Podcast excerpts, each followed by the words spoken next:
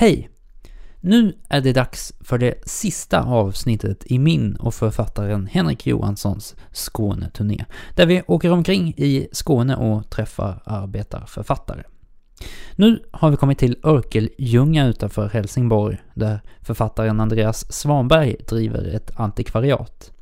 I höst ger han och Henrik ut en tidskrift om arbetsplatshumor. Men vad utmärker arbetsplatshumorn och vilken funktion fyller den? Och hur skriver man så att andra skrattar? Över till samtalet. Ja, nu sitter jag här i ett eh, antikvariat i Örkelljunga hemma hos Andreas Svanberg. Eh, hej och välkommen till podcasten. Ja, tack ska du ha. Och så här finns också Henrik Johansson. Hej. Hej. Jo, anledningen till att vi har samlats här idag säger jag nästan lite religiöst så här, för jag sitter intill de religiösa böckerna. Eh, men ni är på gång och ger ut en tidning, eller en tidskrift. Eh, Andreas, vill du berätta? Ja, alltså det, det är en tidskrift som kommer eh, kretsa kring arbetsplatshumor. Och sen är det en tidskrift till, fast de kommer att ges ut i, i samma tidning, som kommer eh, vara en tidning för absurdism och nonsens. Så den är lite mer sträv. Så det, det är två tidningar eh, som man, som jag förstår det, läser från två olika håll. Ja, det var först så att tanken var att eh, det skulle vara två tidningar men sen så blir det mer praktiskt med en tidning så då får vi lägga ihop dem till en så att säga. Två men en. Två men en, Ja. det är lite roligt bara det ju. Ja, precis. Det börjar vara. ehm, Och jag ska säga också att det bygger på, det var Henrik som, som eh, skrev på Facebook i en öppen tråd att eh, man borde ge ut ett fanzine. Och då så nappade jag på det för att jag har ju eh, tillsammans då med en annan kollega Tony, Tony Berg, Bergvall eh, skrivit mycket under lång tid som är humoristiskt. Men vi har inte gjort någonting av det så då tänkte jag att det är kanske det man ska göra. Så då kontaktade jag Henrik sa att vi borde göra detta. Mm. Mm. Och du nappade?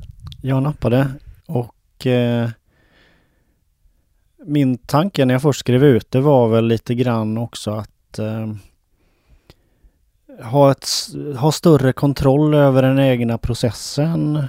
Att det är ganska tjatigt att skriva småtexter och sen skicka iväg något massa olika tidskrifter och antingen blir de antagna eller så blir de refuserade. Och också det här att, eller om de kommer ut i en bok så så kan det vara liksom flera år efter man har skrivit dem och man själv har kanske tappat lite relationer till dem. Så jag kände att delvis ha mer kontroll över situationen och delvis att det skulle gå lite snabbare. Och hittills har det gått eh, ganska snabbt ska jag säga. Och eh, speciellt med eh, Andreas har bara plötsligt kommer ett omslag, plötsligt kommer en annons. Det går liksom, här går det undan verkligen. Jo, det gör det. Ja. Eh, vad är det då för texter vi möter i de här tidskrifterna? Ja, alltså det är ju texter som jag har eh, skrivit och, och eh, eh, tänkt använda i andra sammanhang men de, de är då humoristiskt skrivna. Och med arbetsplatsmiljö. Miljö. Så det är ju, eh, en som är den senaste är ju eh, om en Thomas Nilsson i Östra Ljungby som gör fyra försök att skriva ett CV. Och för varje försök så försvinner lite av honom själv. Och när han till slut då lyckas hålla sig till ramen för hur ett CV bör se ut så har han helt och hållet marginaliserats till en i raden av arbetssökande. Så den är ju, har ju en politisk laddning också, men den är ju roligt skriven för att först förstår man inte vad det här är för en människa och sen när man väl, eh, när han väl har fått rätt på, på eh, meningarna så, så finns han inte längre och då saknar man, saknar man honom hur rörig han än var. Du har läst in en bit som vi ska lyssna på här. CV. Första utkastet. Jag gillar att tampas med grejer. En vinnarskalle som sett det mesta och gärna äter en kotlett på fredagskvällen.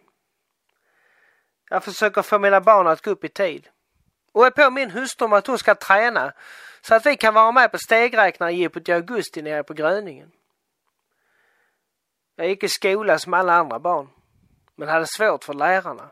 Slogs aldrig. Var heller inte med på gymnastiken. Något jag ångrar i efterhand. Jag är väldigt sportintresserad. Men jag klarade inte av den där spanska tjurfäktaren vi hade, som var så elak mot barnen. En gymnastiklärare ska vara schysst. Alla ska få vara med. Då tänker jag annorlunda. Alla ska känna sig delaktiga. Då blir det roligare. Det blir mer gjort. Jag är född 67 men gick med 68 eftersom jag gick om en klass. Det hade ingenting med mig att göra. Min pappa dog i en truckolycka och allting stannade liksom upp på hemmafronten. Gillar att dyka och simma. Bada med barnen, skogspromenader, kött och potatis, vanlig husmanskost. Träffade min hustru Annika när vi var mycket unga och är dökär i henne. Ungarna och frugan är mitt allt. Nu söker jag jobb inom alla områden. Gärna som chef eftersom jag är bra på att snacka och brukar få med mig folk. Egentligen kvittar det. Jag är både datorvan och nyfiken. En skrattglad människa med hjärtat på rätta stället. Lika glad för att vara ute som inne.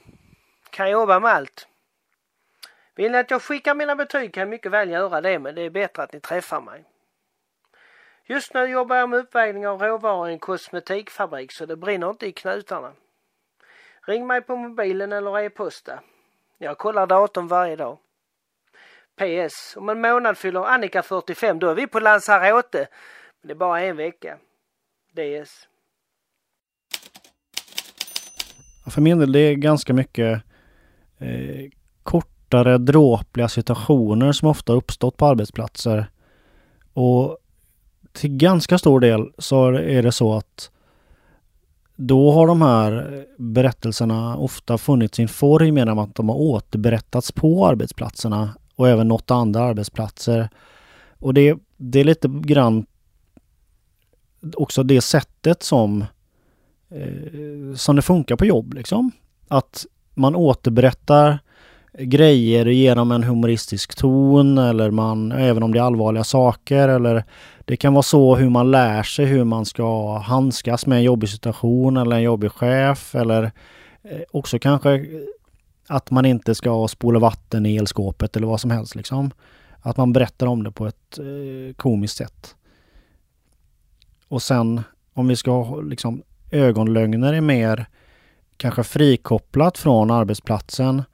Men där kände jag när jag läste Andreas och Tonys grejer att, att de har gjort lite samma sak som jag känner igen från jobb. Att man, man går och träffas ganska regelbundet under ganska lång tid. Och man bygger upp lite av ett eget universum. Ja, för ni, ni hämtar ju då detta delvis från era egna arbetsplatser antar jag? Är ja. inspirerat? Ja, det gör mig. Jag har jobbat i 24 år i fabrik och jag kan säga att eh, nu när man ser eh, de sista årens eh, effektiviseringsprocesser och, och man slimmar eh, personal och allt möjligt så, så, så, vill jag ju säga att det finns ingen mer effektiv eh, eh, eh, motor än humorn. Alltså på arbetet när man ska göra ett arbete och utföra ett arbete så är humorn central.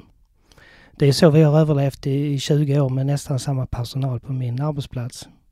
För det är ju eh, kroppsarbete och eh, dammigt och pulver och konflikter och allt vad man kan tänka sig på en arbetsplats. Men med humorn så har vi eh, ändå hittat någon slags grundnivå där man kan eh, börja från. Så då, då hanterar man ju situationer som är jobbiga både sinsemellan och sen med, med, med chefskap och allt möjligt. En, en grej som finns med i min första bok, Av kött och blod, som är hämtad från ett hotell jag jobbade på då, var att eh, cheferna krävde att vi för att ha koll på hur mycket svinn det var på maten skulle samla alla rester i en hink. Och den här hinken skulle ställas in i en av kylarna och skulle vägas en gång om dagen av cheferna för de var de som betrodda att väga matresterna. Eh, och någonstans där så måste man liksom skratta åt eländet. Liksom. Även om deras tanke var att vi la upp för stora portioner och därför slängde folk för mycket. Men det, det är så grovt ohygieniskt och osmakligt över det här så att det, ja, man måste försöka skratta åt det. Ett sätt att eh, överleva då alltså. Eh, ni eh, vill kanske också inspirera andra eh, på arbetsplatserna idag runt om i landet då, och att eh, ta till humorn för att jag Klara tror att den finns. Jag tror inte vi behöver eh, gå ut med någon, är mer... någon det, uppmuntran. För jag tror att det, det är, jag är helt säker på att det är helt centralt. Och du kan inte jobba på ett arbete under många år utan humor för det, det skulle inte gå att genomföra. det är snarare att ni dokumenterar då den humorn. Ja, eller, eh, ja, eller ta fasta på den för att eh, det, det, ja, det, det, det är så som, som vi eh, klarar vår arbetsdag är eh, med humorns hjälp. Jag tror att det kanske är författarna man ska uppmana i så fall. För att jag tror att en arbetsplatsskildring som saknar humor, det är... Ja, det, det är svårt ur min synvinkel tycker jag. För att jag tycker att det är något som ständigt finns på arbetarklassjobb liksom. Skiljer det sig från andra medelklassyrken tror ni? Det tror jag inte på ett sätt. Att inte, är- alltså jag tror humor finns på de flesta arbetsplatser men jag tror att den blir eh, väldigt central just på eh, i, i fabriker och på jobb där du har mer monotona arbeten eller eh, tunga jobb och sånt så tror jag att humorn är viktiga. Så här då, vad, vad utmärker arbetsplatshumorn? Eh, jag tror att den är dels karaktärsbunden men sen också att det finns en situationskomik ju. Att man... Eh, att du har arbetssituationer som blir roliga rent av. Eh, inte roliga att utföra men de blir absurda. Jag kan ge ett exempel för jag har ju tillsammans med Tony då, Bergvall som jag skriver lite med och han tecknar också. Han, vi har ju fått in en, en signatur i magasinet Opulens. Och där eh, har vi då en figur som vi har skapat som heter Skopan som säger då en massa. Så en gång i veckan har han, eh, bjuder han på en skopa vett eller en stunds reflektion i det korta formatet. Och då senast hade jag en text om eh, den röda bollen döpte jag den till och då är det på, det är alltså en eh, sa, sann bakgrund på, eh, på ett eh, grönsakslager där man har eh, sådana här förbättringar då som man har överallt idag. Då hade man alltså mitt i matsalen ställt in en stor eh, rund eh, genomskinlig plastkub. Där man, eh, varje avdelning hade en, boll i den här kuben då. Så för varje förbättring avdelningen lämnade in till den här förslagslådan så fick man en boll i sin färg i den här kuben. Och det är, ju, det är så konstigt att göra det överhuvudtaget så att man förundras ju. Men då- hittade jag på att de, de kunde inte komma överens på skiftet om, om vilken färg de skulle ha på den här bollen. Så eh, när de då sitter i matsalen och äter så blir de bara påminda om hur oense de är. Så det blir inte så bra. Det blir ingen bra förbättring. Fast att de då lämnat in en förbättring för att få bollen där i så blir det inte så bra till slut. I alla fall. Och då skojar man över det absurda som... Ja, först och främst blir man ju förvånad över att de överhuvudtaget kommer på idén att sätta in en sån plastkub i matsalen. För där, vem vill ha den där? Eh, ja, Henrik. Jag tror att eh, det finns vissa grejer som kanske skiljer sig på det sättet att jag har jobbat som på restauranger och på bageri och det, ingen av dem är dagtidsjobb. Och humorn blir liksom annorlunda när man är sjukt trött. Och även fysiskt trött och jag har sovit för lite. Alltså det blir tramsigare liksom. Och det blir kanske mer fysiskt. Det är också så att eh, speciellt ett bageri är jävligt högljutt. Och det innebär att och dessutom eh, kanske man pratar 15 olika språk liksom.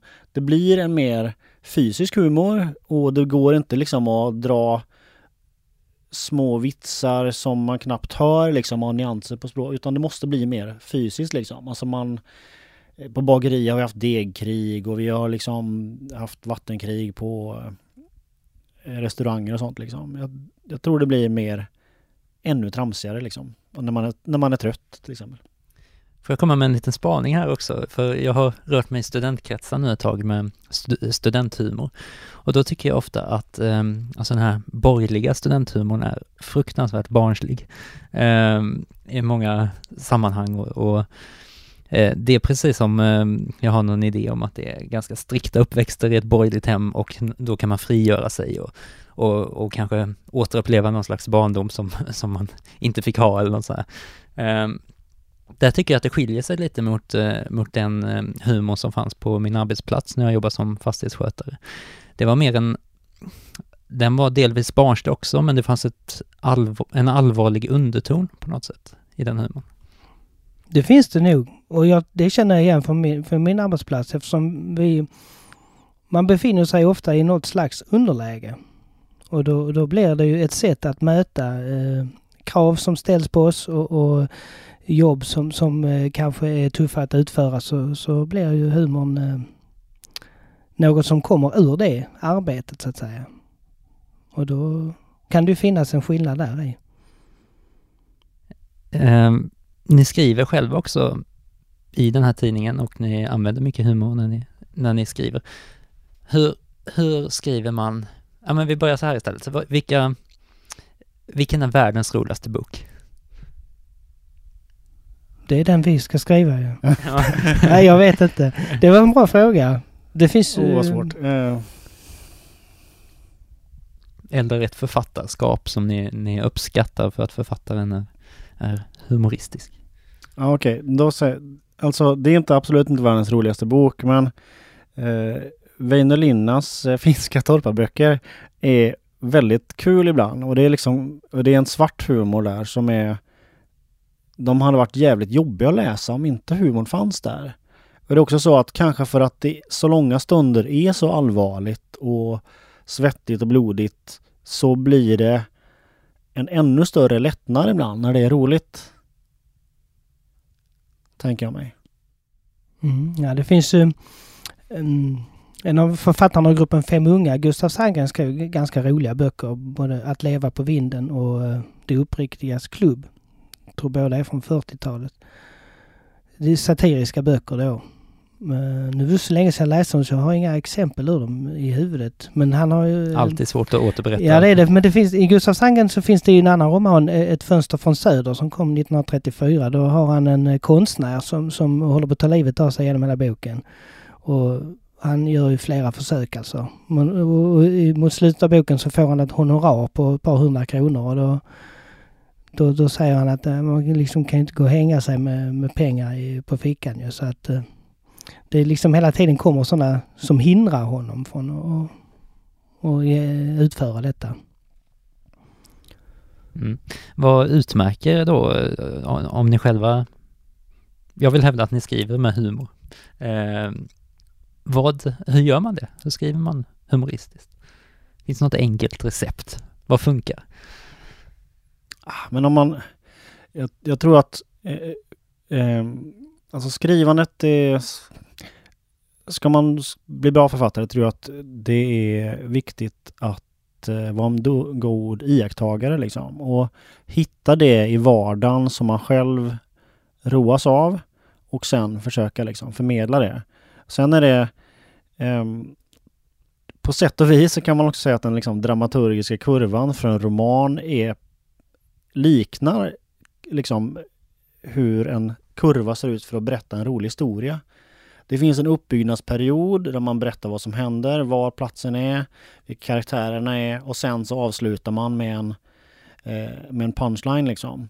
Och, och jag tror att precisionen är väldigt viktig. Det är det både när man berättar en vits och när man skriver roligt. Och, och det, ibland kan det bli så att man visar liksom genom att avsluta ett stycke med indrag, vart liksom vitsen är så att säga. Vart det roliga är.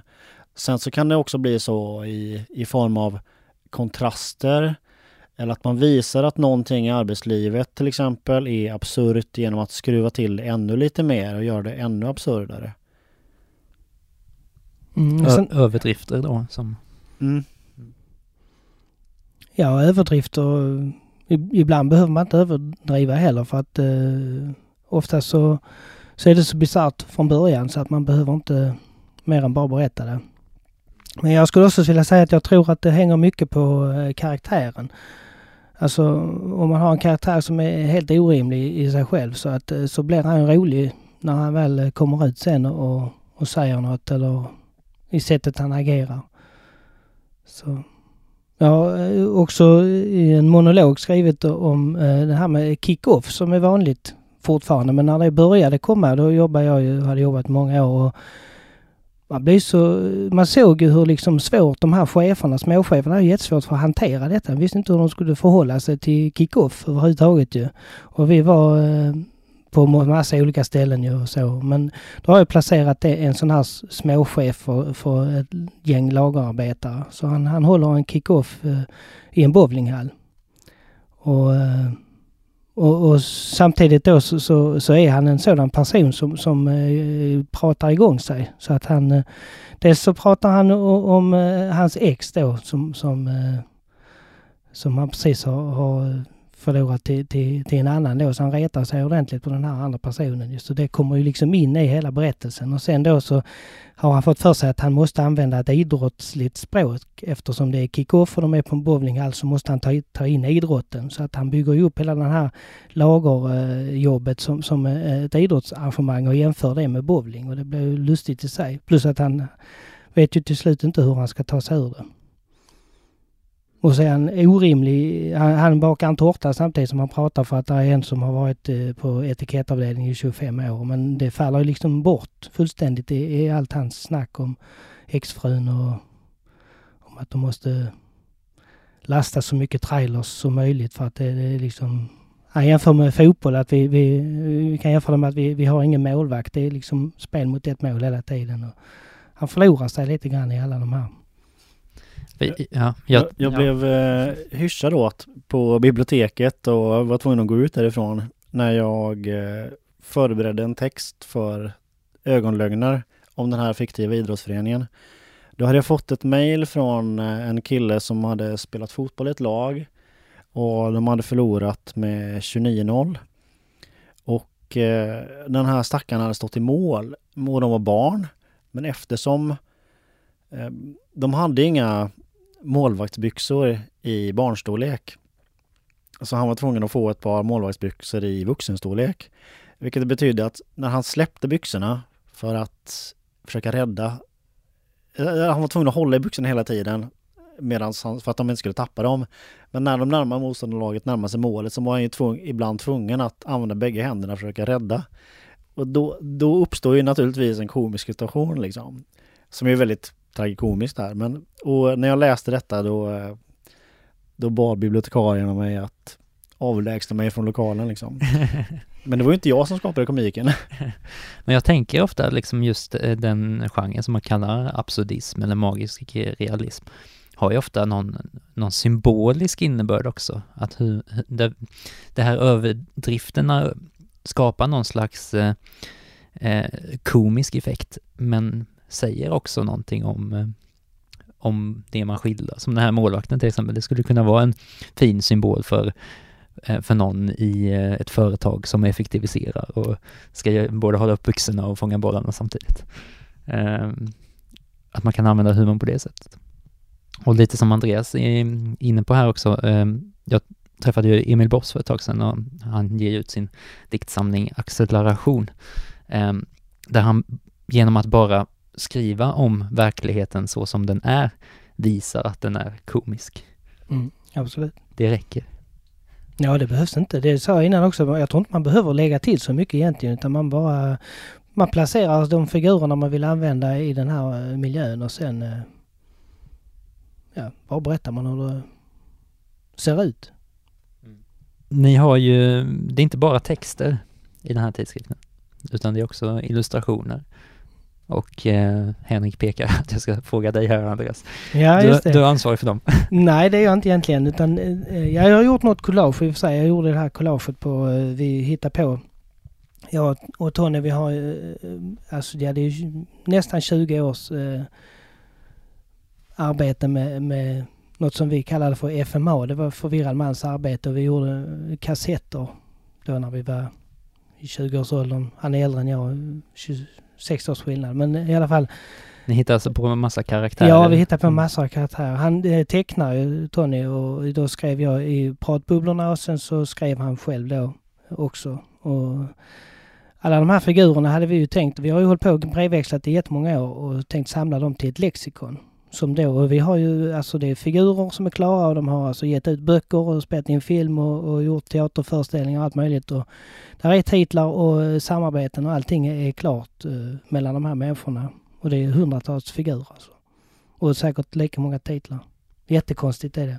Och de ska få komma ta, till tal i, i Ja, de kommer ju fram här för det är ju sant att jag har ju aldrig riktigt vetat vad vi ska göra av de här grejerna. Vi har ju samlat det för byrålådan kan man säga och sen eh, har vi dels fått in den här i skopan i, i opulens och sen när han då nämnde, nämnde det här idén, Henrik, så tänkte jag att ja men det måste vara där det ska komma ut. För jag eh, skickade eh, en text skriven av en person som heter Rymle Spencer till Bonniers. Det tror jag inte de ens tittar på.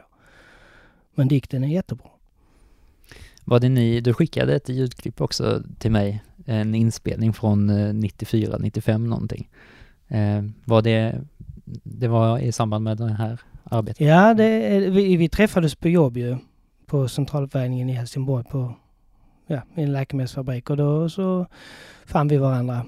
Och så humoristiskt var det ju, vi, vi liksom matchade ju. Och då så började vi spela in konstiga grejer. Och det är ju ja, sketcher eller vad man ska kalla det. Så. Och det är ju kring det här. Och det är ju mer absurdistiskt så att det är liksom eh, väldigt konstigt emellanåt. För jag tänkte vi kunde lyssna på det, det, in, det klippet som du skickade. Ja, eh, vill du berätta kort? Ja, det klippet var ju, ja det är ju en, spontan grej för allting vi spelade in var improviserat. Och den, just det klippet eh, som vi kallade för Domus, det är ju med en nyöppnad Domusbutik i, i Kattarp. Och då så, eh, den är ju inspelad för nästan 23 år sedan så då hade man ju inte en aning om att arbetslivet skulle börja se ut så att man liksom effektiviserar och, och slimmar på det viset gör ju att den här nästan är mer aktuell idag än, än då. Och eh, den är inspelad i alla fall på eh, arbetstid i ett vågrum med eh, hjälp av en eh, tryck och en eh, vagn med skopor i rostfritt stål och sen eh, kärl då i rostfritt stål också som vi använder och skramlar med för att illustrera när dörrarna öppnas till den här nyöppnade Domusbutiken. Så en eh, blick in i framtiden för 23 år sedan? Ja, det kan man säga, fast det var inte meningen ju. Nej. Jag tror aldrig den kassetten eh, såldes eller delades ut till några som helst eh, heller. Nej, då blir det exklusivt nu första gången. ja, det kan man säga. Ja, här är vi då nere i, Eh, i foajén på eh, nyöppnade Domusbutiken i Kattarp. Eh, det, det har ju blivit känt här i trakten att, att det kommer att bli en rusning utan dess like till den här nya Domusbutiken eftersom priserna är multi-multilåga. Och folk har alltså strömmat hit ifrån hela landet, ifrån hela Europa ska jag säga och övernattat i trakten kring Kattarp. Alltså det är fullkomligt nerlusat med folk. Bönderna är oroliga, de har fått sina åkrar nedtrampade. Ja, det, det är inte sant vilken röra det är. Polisen och armén och brukshusklubben och brandkåren och simklubben är inkopplade på det här och försöker ställa allting till ordning igen. Men eh, jag tror att det kommer att bli eh, lite bättre ordning nu när vi öppnar eh, butiken här på morgonen. Men eh, vi vet inte riktigt än hur det kommer till, till, till att gå. Det, verkar vara väldigt mycket folk som har samlats här utanför på parkeringen. Det verkar vara hundratusentals människor som bara står och väntar på att de ska få rusa in i butiken. Vi har eh, butiks... eh, Jonny Karankesson här eh, med oss i studion. Han är lite rädd själv. Ja. Vi vill inte stå i vägen här nere i foajén när folk kommer att kasta sig in här och, och bara slita och dra i allting och ta med sig så mycket som möjligt ut därifrån. Vad säger du Jonny? Ja, jag är rädd att det här kommer gå fantastiskt fort det här. Att, eh, vi, vi har eh, förberett oss så gott det går. Vi har. Ingen kommer att hinna reagera menar du? Nej, jag vet inte. Vi har lagt in, vi har satt industrirobotar till att ta emot kunderna i kassorna för att det eh, här kommer gå eh, extremt fort. Ja, ja, ja. Vi är, är väldigt rädda för det. Ni öppnar alltså klockan åtta nu idag? Ja, och klockan Vi är åtta klock... Hon är strax åtta, ja. Det rör sig om en eh, 45 sekunder till. Ja, men titt, nu, nu hör jag det börjar så slå i dörrarna där borta. Det Åh, nej! Komma in där! Åh nej! Åh, nej!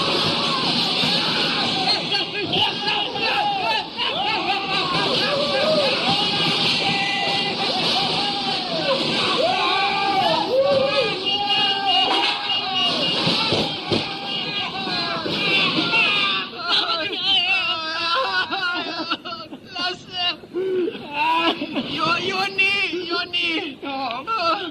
Herregud, jag sa ju till att du skulle ändra reapriserna. Det var 50 procent, inte 75 procent.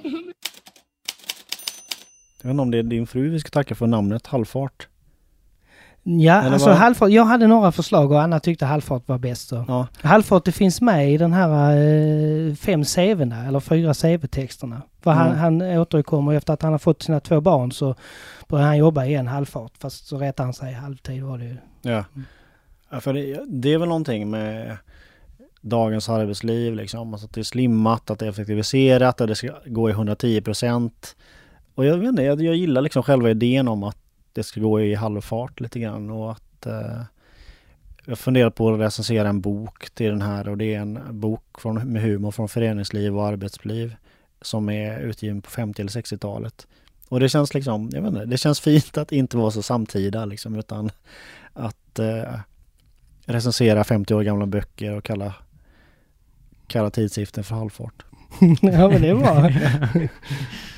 Ja, det är ett snyggt grepp. Ja, men det blir också snyggt för att jag, vi hittar ju en loggbok som vi då har tagit omslaget från. Eh, Så skannar vi omslaget till, på den här loggboken och sen eh, står det produktloggbok och sen har vi bara lagt till halvfart då så förstår man ju det att eh, på den avdelningen går det inte undan.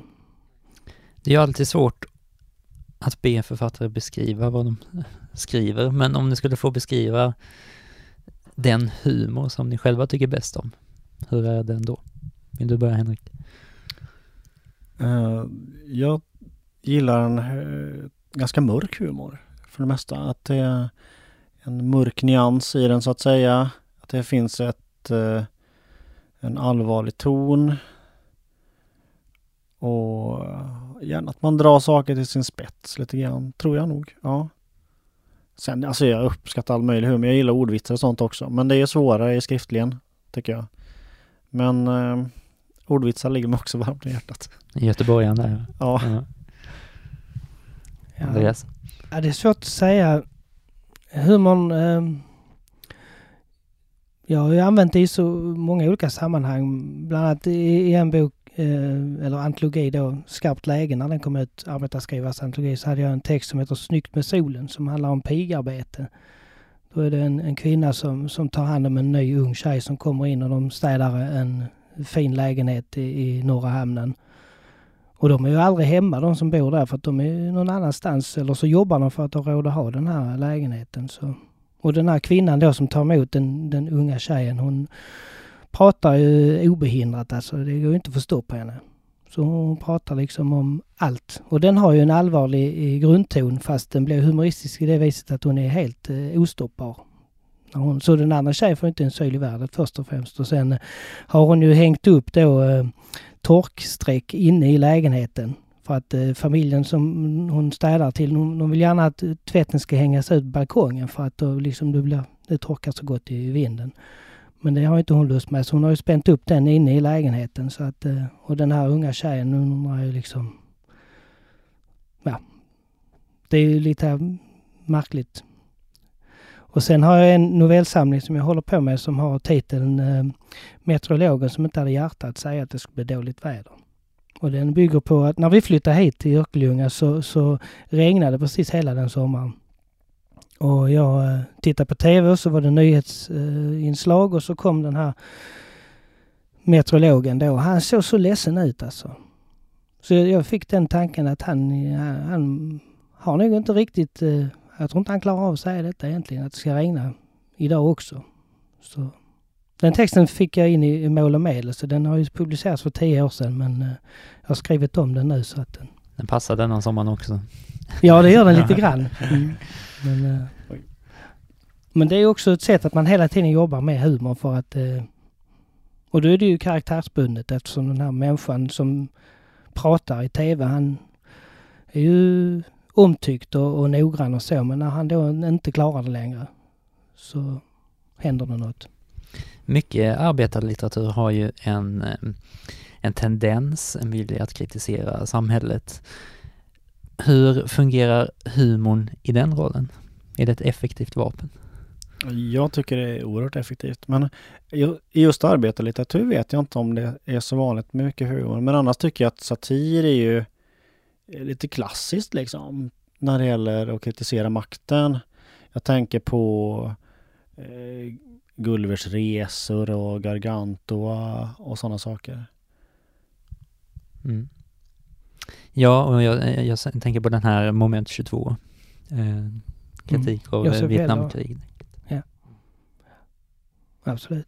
Och sen finns det ju humor i många, jag tycker jag Max Lundgren som vi nu firar här ute i Örkelljunga dessutom. Det är 50 år sedan Åsödens sportklubb eh, gavs ut. Och i hans eh, vuxennoveller finns det också gott om humor. Och ehm, idag är det ju många komiker på tv, tycker jag, som eh, nästan har tagit på sig någon slags eh, ledarskribent-roll. De är väldigt aktiva på att kritisera. Ja, absolut. Tittar ni på någon humor på tv? Ja, alltså jag... Jag är inte så... Jag är inte så duktig på att titta på TV på det viset att jag liksom bestämmer mig för att jag ska se det där. Utan det är mer när man kommer hem och efter att ha jobbat och allt vardagliga bestyr så hamnar man framför TVn. Så att jag är inte så... Jag, men jag läser ju då hellre något som jag vill läsa och så är jag sämre på att ta TV, TV-programmen till mig.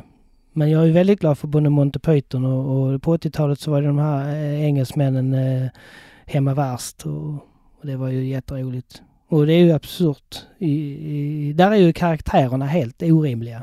Och, och det var ju något som inspirerade åtminstone mitt och Tonys eh, arbete. Alltså den här fullkomliga orimligheten. Ministry of Silly Walk och... Ja, absolut alltså. De De, ja, det, är, det är samma generation lite grann. Jag har också sett liksom Monty Python och Eh, hemma Värst av dem. Men, eh, och nu försöker jag väl, jag tittar ganska lite på tv nu, men det är liksom, det händer att jag ser på Simpsons, men det brukar inte vara, och en del andra komikergrejer. Men det brukar inte vara planerat så ofta, utan jag sätter mig på tvn och ser vad som går. Men jag har börjat introducera en del eh, humor till barnen också. Till exempel Martin Ljung och Hasse Tage och sånt med det var en gång en gubbe i en lodda när de åker tåget och sånt som de gillar liksom. Ibland funkar det, ibland funkar det inte. Hasse och Tage har man ju växt upp med kan man säga. För att det var ju det, var ju det som sändes på tv och, och skivorna fanns ju hemma och så. så. Mm.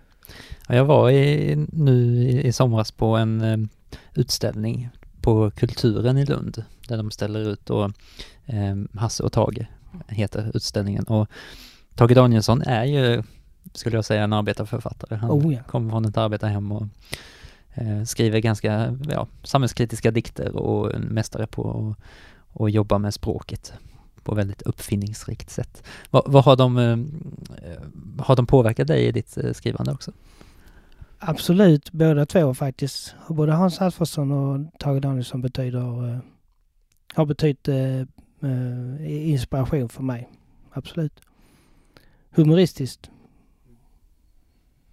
Jag tycker också på um, att speciellt Tages uh, eh, naiva tilltal är, kan vara väldigt effektivt för att berätta uh, sanningar eller sannolikheter så att säga. Nej men uh, att det här troskyldiga liksom, att eh, funkar bra. Och sen också en öppenhet inför att leka med orden liksom. Att, att eh, ta det allvarligt men inte så allvarligt samtidigt. Fritiof Nilsson Piraten är också en författare som Ja. är sa- alltså, väldigt rolig helt enkelt. Det är en favorit hos Mm, mig. absolut. Det, det går inte. Det kan man läsa om hur många gånger som helst. Om man ska säga någonting som eh, eh, kanske är arbetarlitteratur eller tangerar arbetarlitteratur eh, så finns det väldigt mycket roliga eh, politiska serier idag. Eh, och då tänker jag till exempel på Sara Hansson och Sara Granér och Liv Strömquist. Som, eh, som har till stor del liksom förnyat hur man, hur man berättar och hur man diskuterar liksom. Och hur man skämtar. Ja, vi sitter nu här nu i Örkelljunga i eh, ett eh, väldigt omfattande antikvariat. Eh, Andreas, du sa att du hade, vad sa du, 15 000 böcker? Ja, det tror jag att vi har faktiskt. Fast här inne är, har jag just nu 6 000 böcker ungefär. Och de som finns här inne finns ju då på internet. Men sen har vi ju, vi har böcker i alla rum i, i husen och sen har vi ungefär 100 bananlådor i källaren med böcker. Var kommer alla de här böckerna ifrån?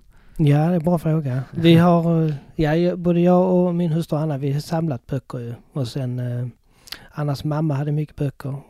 Och hon finns inte kvar eh, nu. Och eh, sen har vi fått böcker genom åren. Från mm, olika människor och sen eh, loppisar, de kastar ju böcker efter en på en loppis. Så att det är inte svårt att skaffa böcker heller. Det, Går du ofta på loppis och... Ja, det har jag gjort mycket. Det har blivit lite mindre nu sista åren eftersom vi har små barn och så. Men eh, vi har varit mycket på loppisar. Jag ställde tidigare frågan eh, vilken som är världens roligaste bok. Kanske en aningen lika svår fråga, men vilket är ditt bästa fynd? Mitt bästa fynd? Ja, nu ska vi se. Jag hittade faktiskt, och de har jag sålt. eh, Det var eh, i Helsingborg, bakom ett koloniområde, låg där ett hus med en, eh, en eh, dansk man som hade antikvariat. Nej, förlåt, han hade loppis. Och eh, där inne hittade jag eh, i, eh, i gott skick eh, tre stycken, eh, jag tror det var fyra stycken olika nummer utav eh, tidskriften Medan lagrarna gro som gavs ut, eh, jag tror det är 50-tal. Och det var ju med eh, eh Thomas Tranströmer och, och, och de här eh, författarna som sen slog igenom. De hade den här, det var en studenttidning som gavs ut i Stockholm med de här unga författarna. Och de fick jag ju då köpa för, eh, om det var fem kronor för alla tidningarna och sen sålde jag dem för 1500. Men så är det roligt att hitta, så jag har hittat också Karin Boye, en bok av henne med hennes namnteckning i. Ja, så det går att hitta. Men säljer du den då eller sparar Den sålde jag. Mm. Men eh, ja, den sålde jag faktiskt. Men sen är jag, jag har ju samlat böcker så eh, författarna av gruppen Fem Unga har betytt mycket för mig så de har jag ju samlat och Rudolf Wernlund har jag också mm, många böcker av i originalupplagor. Är det mestadels arbetarlitteratur? Det är i stort sett bara arbetslitteratur utav det som jag samlat. Och sen är jag ju förtjust i, i, en del eh, annan litteratur också klart. Eh, Boris Vian tycker jag mycket om. Och Raymond Queneau är en annan. Mm. Så att det finns ju... Det är inte bara arbetarlitteratur men det mesta är det. Mm. Och eh, böckerna köper man på nätet? Än så länge. Men det är planer att det ska öppna ett... Ja, det, vi tänker ju... Ja, det är svårt att säga när det skulle bli av men eh, vi bygger för att det ska vara öppet en gång. Om det blir öppet alltid eller bara någon gång, eh, det, det vet jag inte men... Mm. Men det är öppet på nätet, det är det. Så att... eh, Då får man komma hit. Här finns mycket böcker att- botanisera bland. Ja, det gör det. Men eh, med det så tackar jag för att du ville vara med i podcasten. Ja, jättefint. Tack ska du ha. Och eh, tack också till eh, Henrik som får säga tack i mikrofonen här. Tack. Tack Andreas och Henrik. Tidskriften utkommer i höst. Följ podcasten på Facebook och håll utkik på hemsidan så får du veta när den finns färdig att beställa. Det var allt för den här gången. Om två veckor tar podcasten potatislov. Men uppdateringarna med filmer fortsätter på Facebook, så häng med där. Jag är tillbaka med ett nytt avsnitt i november. Tack för att du lyssnat. Vi säger så.